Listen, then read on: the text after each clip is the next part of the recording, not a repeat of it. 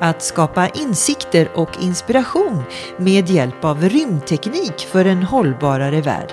Ja, det låter som en dröm, men det är full verklighet för Sveriges enda rymddesigner. Du lyssnar på Hjärntillskott med Lydia.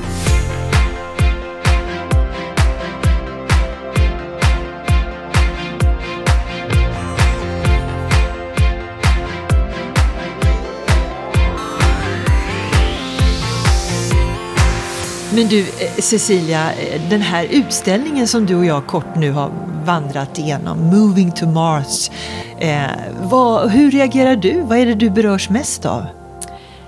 Nu är det första gången som jag ser den idag, ska jag tillägga. Och det var med stor glädje och jag kunde se att det var flera som gamla vänner från rymdvärlden som var representerade i utställningen. Så att det var fantastiskt roligt. Och framförallt tycker jag som eh, vanlig dödlig, ja det är ju du också i och för sig, eh, så reagerar man på att Mars faktiskt är en otroligt ogästvänlig eh, planet. Ja. Vad ska vi där göra? Det är det som är det komplexa och att hur man, vi vill ju utforska och ta oss vidare och lära oss om universum. Vi vet ju så lite. Vi vet bara 5% av universum. Det är det vi känner till och resten är ju dark matter och dark energy. Och faktiskt lite, lika lite vet vi om haven. Mm, det är sant. Du förresten, välkommen Cecilia Hertz.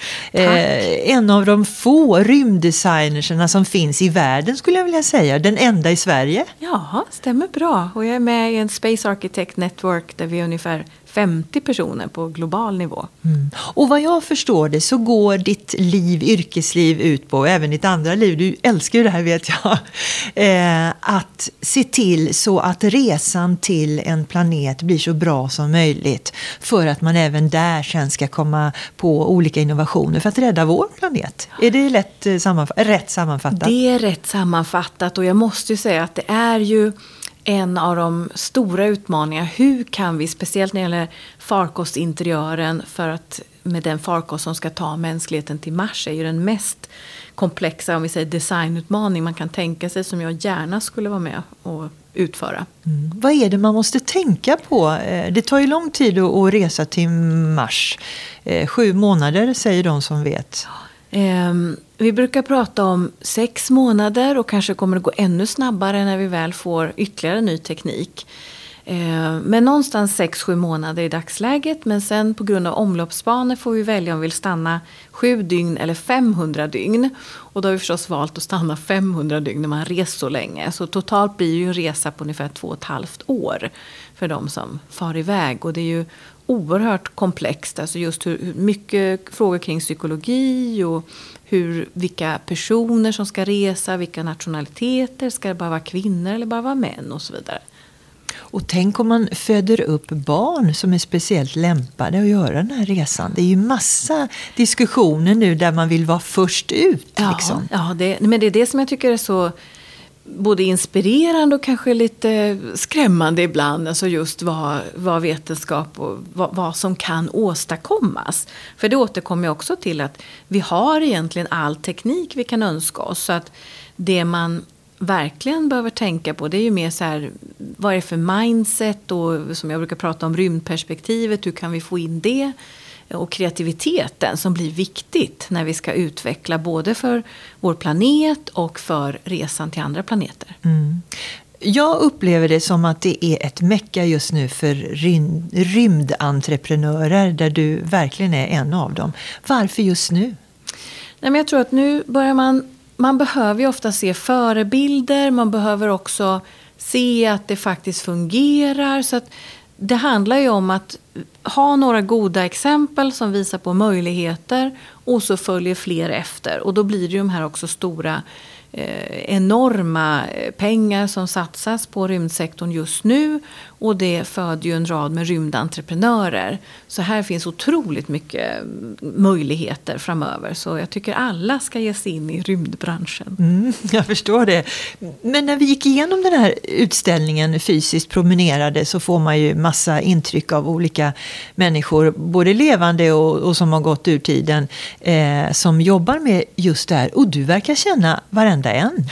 Ja, det var många goda vänner, så det var, jag är lite uppspelt och extra glad över den här vandringen och utställningen. Så det kändes speciellt. Men å andra sidan, nu har jag ju jobbat eh, hela 20 år inom rymdsektorn. Så det är ju en riktigt lång period. Mm.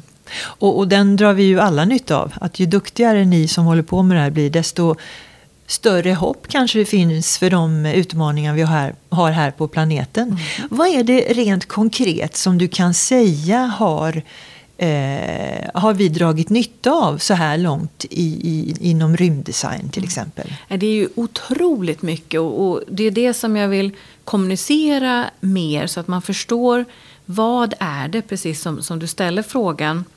Och de flesta tänker inte på att vi omges av rymd eh, varje dag i vår vardag. Och satelliter läser av hur vår planet mår hela tiden och kan rapportera tillbaka allt ifrån hur sorgliga saker förstås som hur glaciärer smälter. Men vi, vi vet det i alla fall. Vi får den informationen. Och det borde också inspirera fler att verkligen agera på det som satelliterna kommunicerar ner till vår planet. Och det är det som jag vill bidra till. Att verkligen jobba med hur insikter, inspiration och teknik från rymden kan skapa värde här på vår planet och speciellt vad det gäller att accelerera arbetet med Agenda 2030. Mm. Men hur går det till att vara rymddesigner? Är det du som tar kontakt med företagen och entreprenörerna eller de som tar kontakt med dig? Hur funkar det där samarbetet? Nu kan man säga i början, för 20 år sedan, då sa ju folk mer så här, Cecilia man kan inte starta rymddesignföretag i Sverige. Medan NASA sa Go Girl. Så att jag är så glad att jag valde att lyssna på mina vänner på NASA.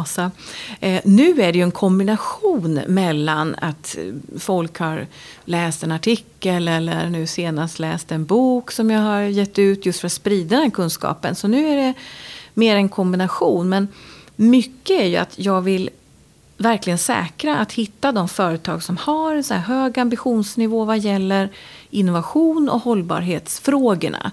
Så att man verkligen kan jobba och göra stor skillnad. För det är det det handlar om. Att nu är det också bråttom. Det är ju nio år vi har framför oss här med mm. hårt arbete. Mm.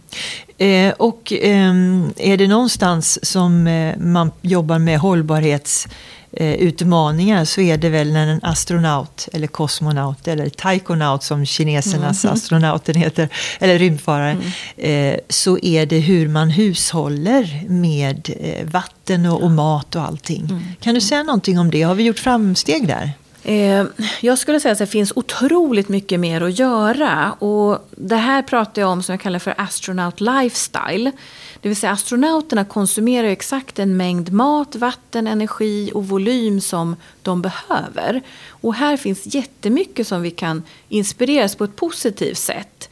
Eh, om vi tittar till exempel på vattenfrågan så konsumerar astronauterna 26 liter vatten per dygn och person på internationella rymdstationen. Här i Sverige konsumerar vi 160 liter vatten per person och dygn. Så då förstår vi att det finns stora utvecklingsmöjligheter genom att lära från astronauterna och vattenkonsumtion.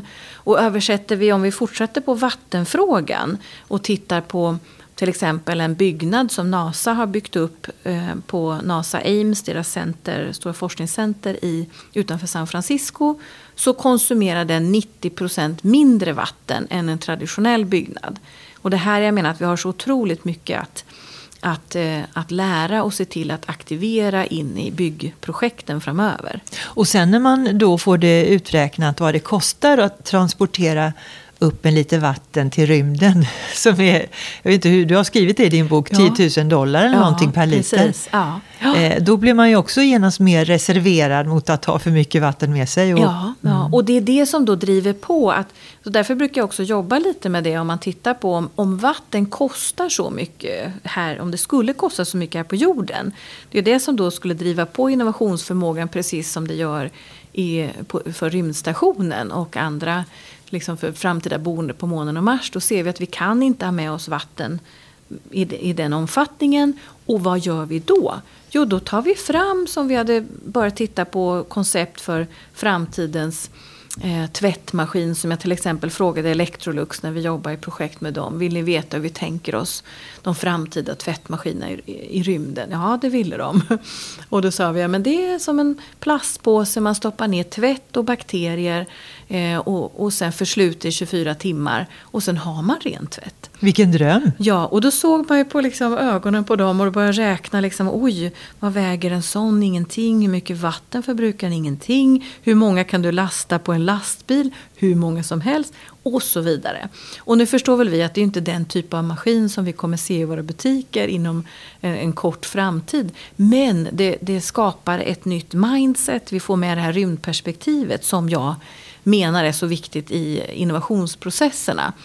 Det vill säga att inte hålla på med det som jag kallar för repetitiv design som alldeles för många ägnar sig åt. Mm. Du nämnde den internationella eh, rymdstationen ISS. Mm. Och det är också sådär någonting som är lite okänt. Nu har man i och för sig använt begreppet nu när det var så nyhet att eh, Rover landade på Mars, eh, det här fordonet då. Mm. Stort som en fotbollsplan. Mm. Jag har lärt mig jag, nu när jag mm. läst din bok.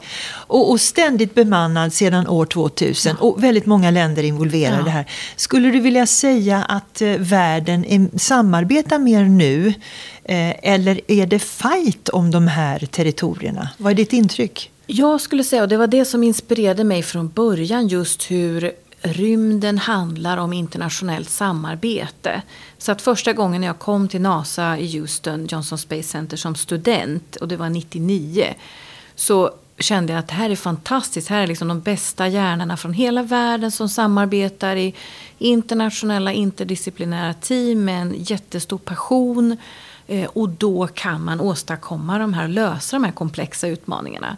Och det är det som verkligen inspirerat mig till att fortsätta att jobba. Och jag ser att det fortsätter de här fantastiska globala samarbetena och som eh, internationella rymdstationen som du nämnde har ju varit nominerad till Nobels fredspris Eh, fyra gånger faktiskt. Så vi hoppas väl att det snart ska slå igenom. Ja, det vore ett, ja. ett bra signalvärde. Ja. Men ändå vet vi att 500 600 satelliter skjuts upp varje år. Och det är inte bara Elon Musk och nationer utan det är även eh, andra eh, nationer som skickar upp satelliter av andra skäl.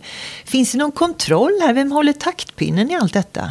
Alltså det är ju en, det som, det som också sker nu är att satelliterna blir mycket mindre och många fler. Så just nu har vi runt 3500 någonting satelliter i omloppsbana runt jorden. Eh, men det man kan se är ju att det här kommer ju ställa större krav på ännu mer samverkan förstås. Eh, vi kommer också se förstås utmaningar med den här ökade mängden satelliter. Men ehm, ja, det här, det här är en utmaning förstås. Och det man också jobbar med är det här med space debris. Alltså vi måste ta hand om, om de satelliter som inte är längre funktionella och hitta tekniklösningar för att hämta tillbaka dem eller så att säga förstöra dem. Mm. Och du nämnde också nya yrkesgrupper som kan uppstå, nämligen space-jurister. Ja. Och det känns ju rätt logiskt för det, ja. bokstavligt talat så är det ett annat lagrum ja. man kommer in i. Precis. Och var går gränsen, det nationella och andra. Så att, eh, finns det några space-jurister ja, redan nu? Ja, jag har träffat en hel del men det är också som jag ser att det där kommer bara öka och förstås spännande och väldigt, det kan man ju snacka om globalt samarbete arbete och ja, lyfta de här frågorna och få dem att, att landa på ett bra sätt. Men Cecilia, eh, du har ju haft fingret i spelet, eh, fingert, mm. fingret i spelet i rätt mycket. Du är en av dem som såg till att eh, skidhjälmarna såg ut som de gjorde och gör, pockhjälmarna. Hur, hur gick det här till? Ja, det var ju ett av våra inledande projekt och eh, där tittade vi på, det är också en, en repetitiv pro, eh, produkt, hjälmen, som har sett likadan ut i 40 år trots det har tillkommit ny teknik. Eh, så gör man den här repetitiva designen och bara upprepar en känd konstruktion. Så det är ju det som är märkligt, till och med när man kan ta in nya material för att rädda liv så gör vi det inte. Vilket är ganska fascinerande. Men här fick vi en, en, en fantastisk möjlighet att utforska tillsammans med POC när de var precis nystartade. Eh, att titta vilket rymdmaterial skulle kunna skapa eh, ett större skydd i hjälmarna. Och då började jag fundera kring de här bockhornsfåren som jag tänkte de stångar så häftigt, det måste vara något spännande med deras skelettstruktur.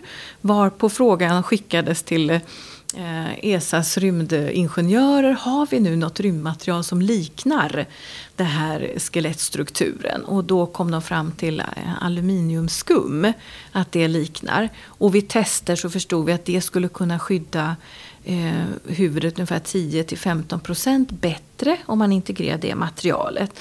Sen när jag höll på och berättade om det här i stort föredrag med 300 personer så man vet ju aldrig vem som sitter i publiken, precis som här när man pratar.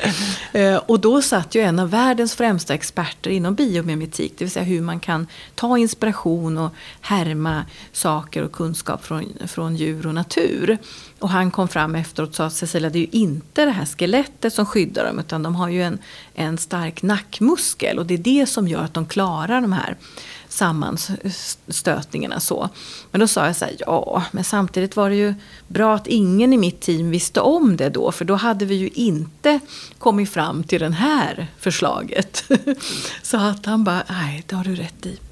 Så alla vägar kan ju vara konstruktiva, absolut, även om de är omvägar? Absolut. Sen ska väl tilläggas att just det här materialet var inte det som, det här blev en prototyp till POC, men så just det materialet eh, av olika skäl blev inte implementerat. Men de ledde ju vägen framåt genom att våga ta in nya material och kombinera nya material för att få den här extremsäkerheten. Du tände en gnista? Eh, exakt. Vad är det mer sådär som du känner att du, det här är jag riktigt stolt över att få vara med om?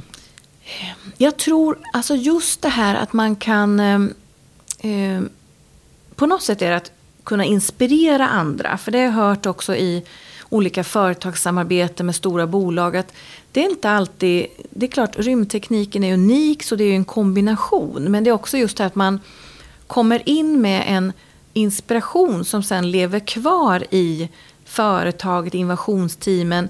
Att de har långt, långt efteråt hänvisat till, ja men sådär som Cecilia säger, eller det där man tänker lite rymdperspektiv. Så det blir en slags bestående eh, inspirationsmoment som man, man lämnar kvar. Och man, man tänder någonting. Eh, och jag brukar också prata om det här med why not-personer. Eh, och just det här att jag brukar säga att det är de som jag vill samarbeta med. Alltså när man ställer personer inför lite udda idéer, tankar förslag på projektsamarbeten så kanske de säger why not? Ja, varför inte? Och det är de som jag menar verkligen kan bidra till att driva det här förändring och, och också i den takt som behövs nu vad gäller Agenda 2030. Mm. Och, och, du har ju själv sagt någon gång att eh, det går inte att gå i gamla hjulspår i din bransch för det finns inga hjulspår att följa. Nej, precis, det är precis. en väldigt tydlig bild ja, över ja, vad det handlar om. Ja. Nej, men det var det som var så inspirerande eh, eh, från början för min del. För att jag har alltid varit driven av att se hur kan hjälpa personer som lever och arbetar i extrema miljöer. Och det är klart, när jag kom då till NASA och träffade alla astronauterna och då var ju också vår svenska astronaut Christer Fuglesang i träning eh, då 99 när jag kom första gången dit.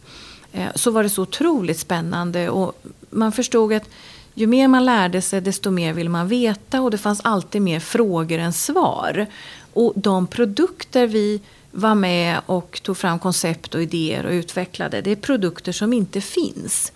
Och det är otroligt intressant och det är det vi behöver göra för vår planet nu. Det vill säga ta fram produkter som vi inte känner till än. Mm. Och då menar jag att då det bästa man kan göra nu är att ta all kunskap och insikt och från, från NASA och rymdsektorn hur man arbetar och sen addera det på eh, hållbarhetsarbetet som, som företag jobbar med för att driva innovationer i rätt riktning. Mm. Så det är här som jag vill jobba med att få de här, eh, vad ska man säga, att mötas.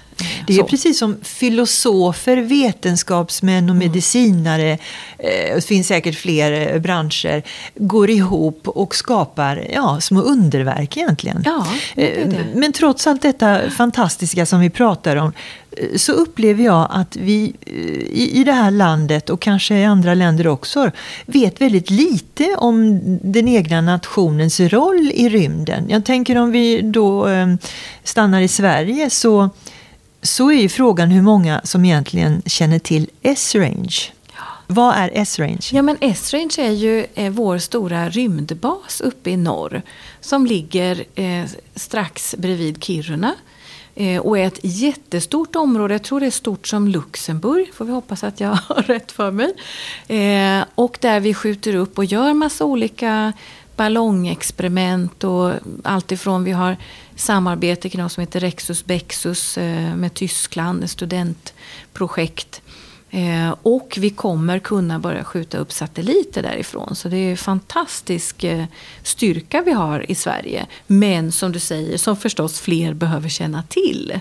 Och varför tycker du det är så viktigt att vi känner till detta? Kan inte bara folk hålla på med det de gör och så får vi vara kvar här på jorden och odla våra grönsaker? Det, det handlar väl mycket om också att se att, att, att, jag menar som Sverige generellt, om vi tittar på England har ju verkligen förstått och drivit eh, rymdfrågan starkt och investerat mycket pengar som verkligen ger resultat nu. Så det är ju en väldigt stor eh, del i att utveckla vårt land Sverige med arbetstillfällen och mycket kring rymdstartups och eh, kan inspirera till eh, tung, eh, liksom teknikintensiva utvecklingar som vi behöver generellt.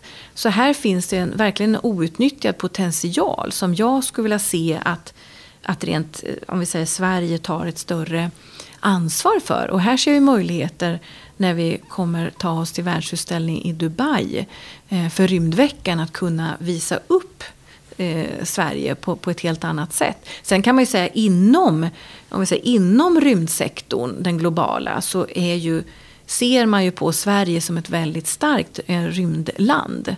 Men det behöver ju spridas mer. Och det är intressant, för jag undrar om svenskarna själv förstår hur starka vi är rymdmässigt? Nej, inte. inte. Vi har ju bara haft en svensk i, i luften än så länge. Ja, och sen har vi förstås Jessica Mayer som är i alla fall svensk-amerikanska. Så henne vill vi också gärna... Vara stolta över, ja.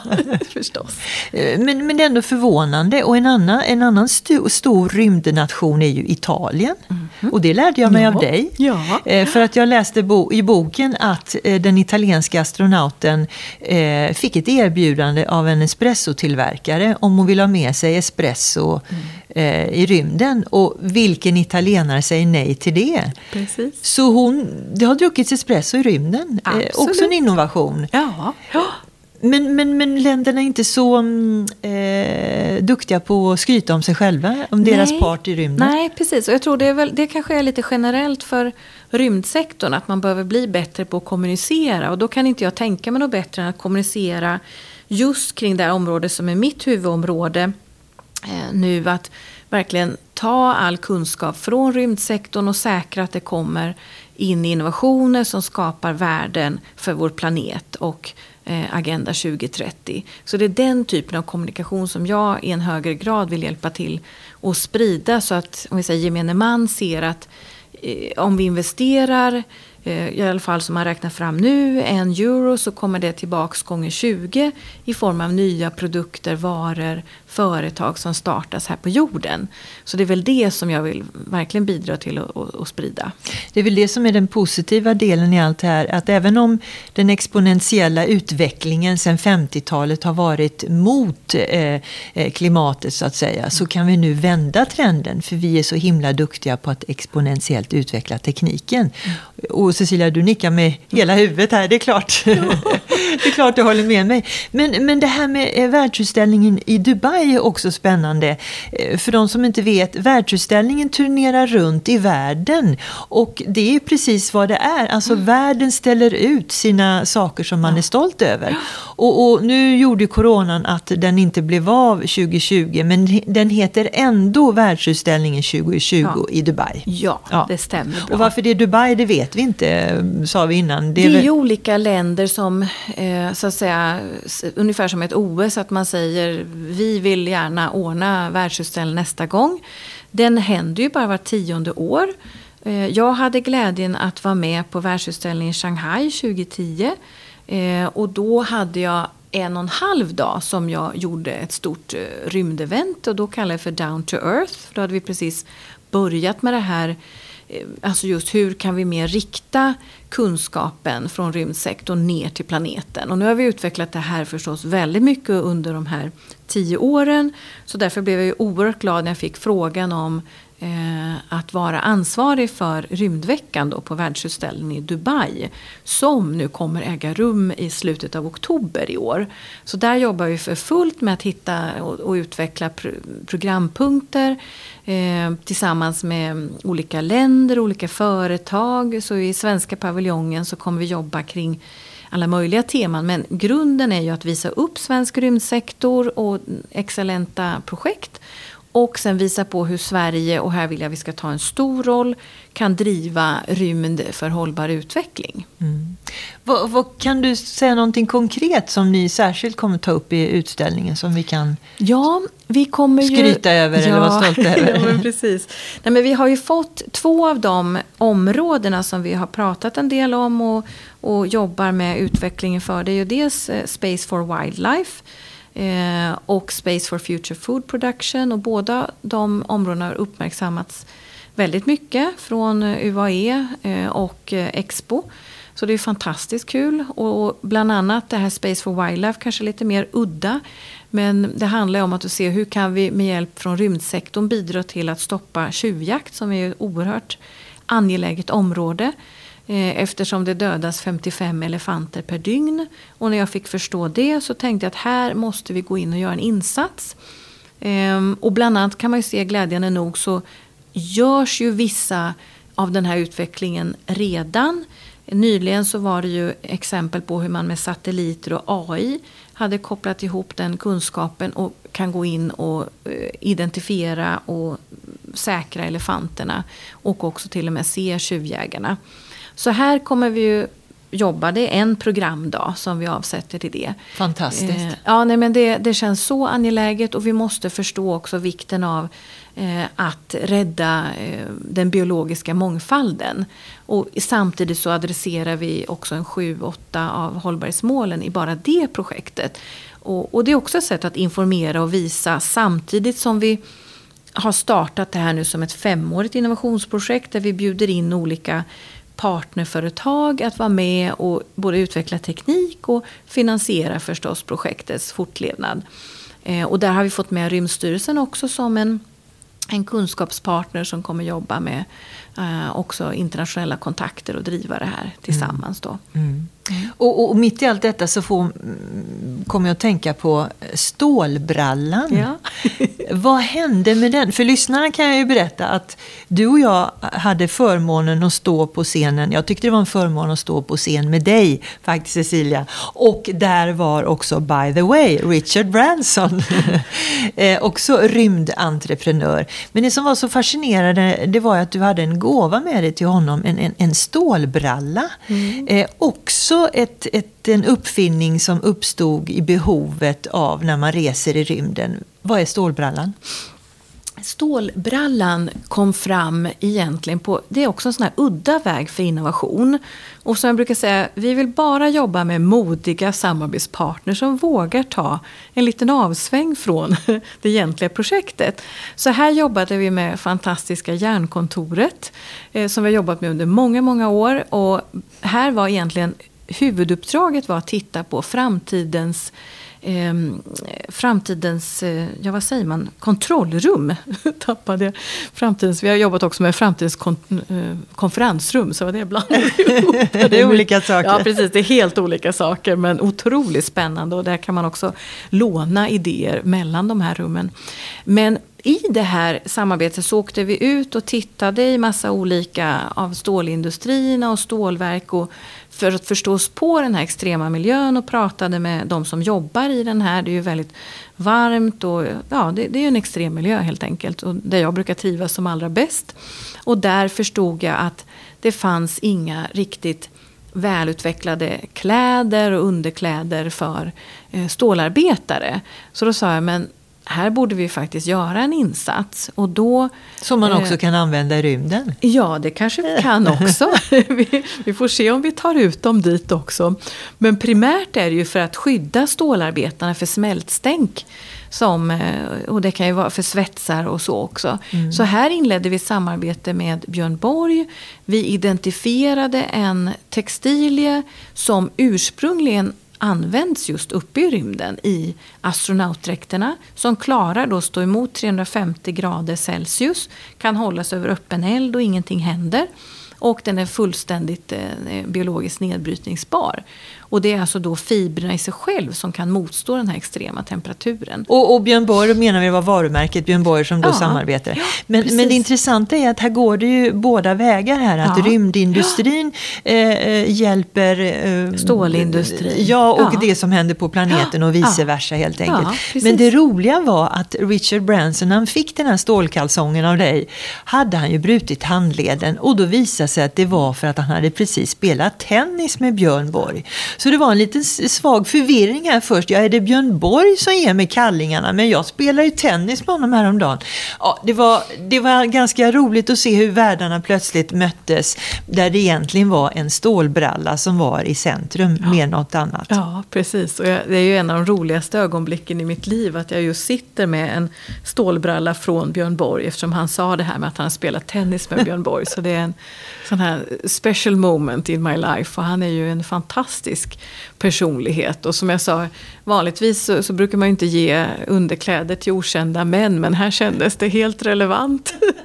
Hur vet du vad du inte ska gå vidare med? Jag menar, eller är det alltid plånboken som styr när man samarbetar med företag? Det vill säga, finns det innovationer som du var tvungen att släppa släppa som du skulle vilja jobba vidare med? Alltså förstår du lite vad jag är ute efter? Mm, mm. Och det är en väldigt intressant fråga tycker jag. Och, och där måste jag ju, eller vill jag snarare, hänvisa lite till eh, en av de professorerna som jag hade i Lund när jag läste industridesign vid Lunds tekniska högskola. Eh, Janne Alin som sa att design är och så sa han, färg, form, funktion, ergonomi, men det är också att avstå. Och jag tycker den så att säga, citatet är ännu mer gångbart nu 20 år senare. För det är det det handlar om. Man måste reflektera över vad är det vi ska bidra till att starta för projekt, att starta för produkter som ska utvecklas och, och att var och en kan känna ett ansvar i Ja, men är det rimligt att vi gör en till av de här eller borde vi göra något, borde vi göra något annat? Och där fick vi också väldigt bra redskap med oss från, från Lund som jag använder mig av fortfarande idag. Och det handlar mycket om att vi kallar, om vi får en förfrågan från ett företag så kallar vi det för problem as given. Men sen handlar det alltid om att jobba tillsammans och identifiera problem as understood. Och då handlar det om att man formulerar om vad det är det som kan skapa det bästa värdet, både ur förstås ekonomiska och eh, hållbarhetsperspektiv, att man får fram rätt produkt eller tjänst eller vad det må vara.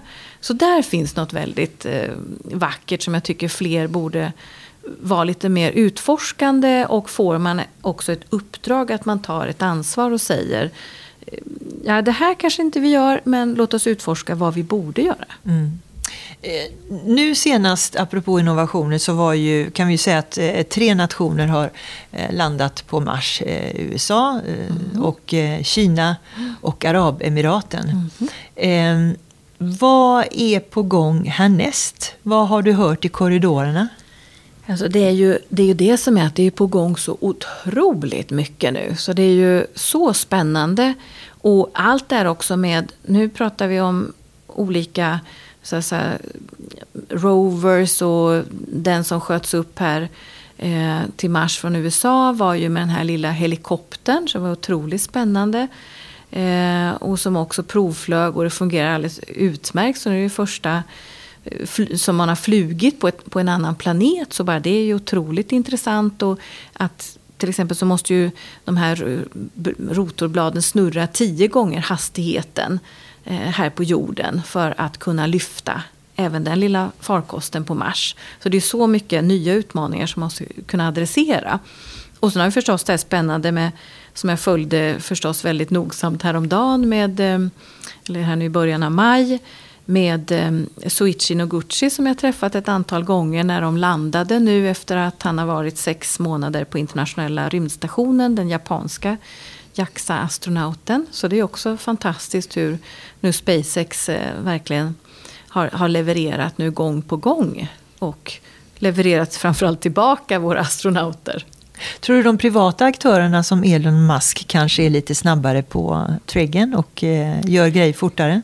Det gör de ju, men det många eh, inte känner till är ju att NASA har ju satt in oerhörda mängder pengar också till Elon Musk för att jobba tillsammans.